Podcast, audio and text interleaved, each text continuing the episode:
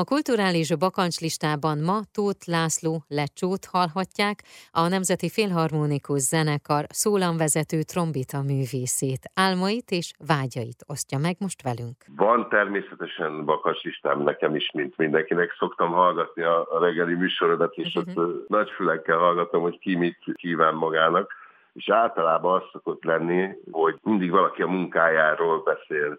Nekem is van álmom, persze szeretnék egy olyan koncertsorozatot csinálni itthon, rengeteg kicsinő trombitás van, és velük együtt egy, egy úgynevezett Királyok zenéje című sorozatot csinálni, ahol azokat a gyönyörű, sok trombitás kamara zenéket, amik vannak, ezeket előadni és megmutatni a magyar közönségnek, hogy mik vannak, mert sajnos hálátlanul nem játszák ezeket a műveket, és pedig gyönyörűek. Úgyhogy nekem van egy ilyen álmom, hogy összehozni sok-sok kitűnő trombitást, és, és ezeket sok helyszínen megmutatni a közönségnek. Amúgy, ami nem a munkához tartozik, uh-huh. hanem a zene élvezetéhez, van egy pár olyan dolog, amit nem szeretnék elutazni, hanem azt szeretném, hogy az a sok koncertszervező, aki Magyarországon dolgozik, hogy hozzák ide ezt a, azt a pár olyan, hát nem is gyöngyszem, hanem mi van annál jobb témát, valami óriási talentum muzsikusokat, akiket szeretek hallgatni, például a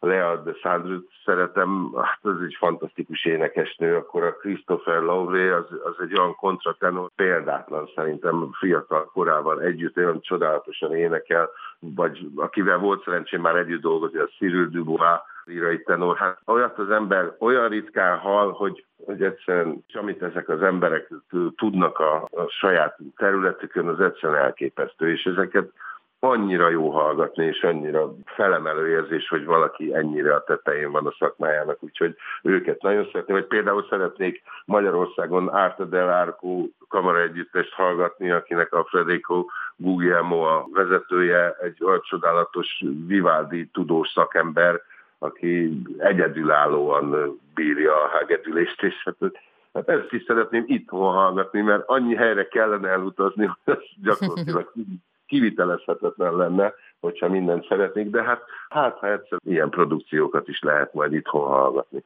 Én kívánom, hogy először is beszéljünk először majd arról, amikor megvalósul ez a rengeteg koncert a magyar trombita művészekkel, és arról beszámoljunk, és meghívjuk a hallgatókat, és minden De más is. Lenne, Amit szeretnél, az pedig teljesüljön, ezt kívánom neked. Köszönöm. Nagyon szépen köszönöm én is.